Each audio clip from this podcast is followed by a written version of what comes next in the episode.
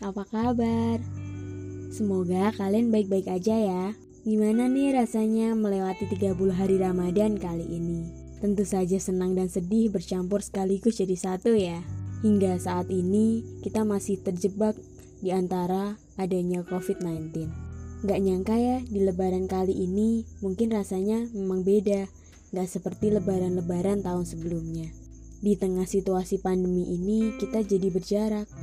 Beberapa di antara kita mungkin gak bisa mudik dan bertemu dengan keluarga hingga belum bisa merasakan lebaran bersama.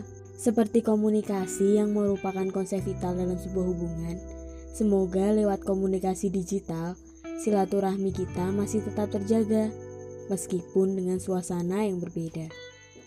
Sedih rasanya, gak bisa ngerasain lebaran bersama keluarga besar, gak bisa memeluk erat dan jabat tangan secara langsung. Bahkan, rencana-rencana yang telah disusun jauh-jauh hari jadi tertunda. Rencana sederhana seperti makan opor ayam dan bakso bersama keluarga di hari Nan Fitri ini sekarang tinggallah wacana.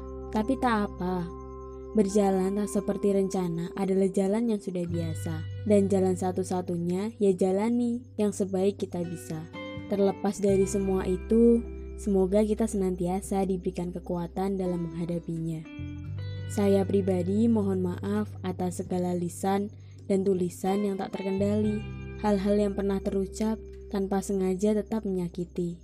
Semata karena saya manusia, banyak kesalahan atas diri ini. Selamat Hari Raya Idul Fitri 1441 Hijriah.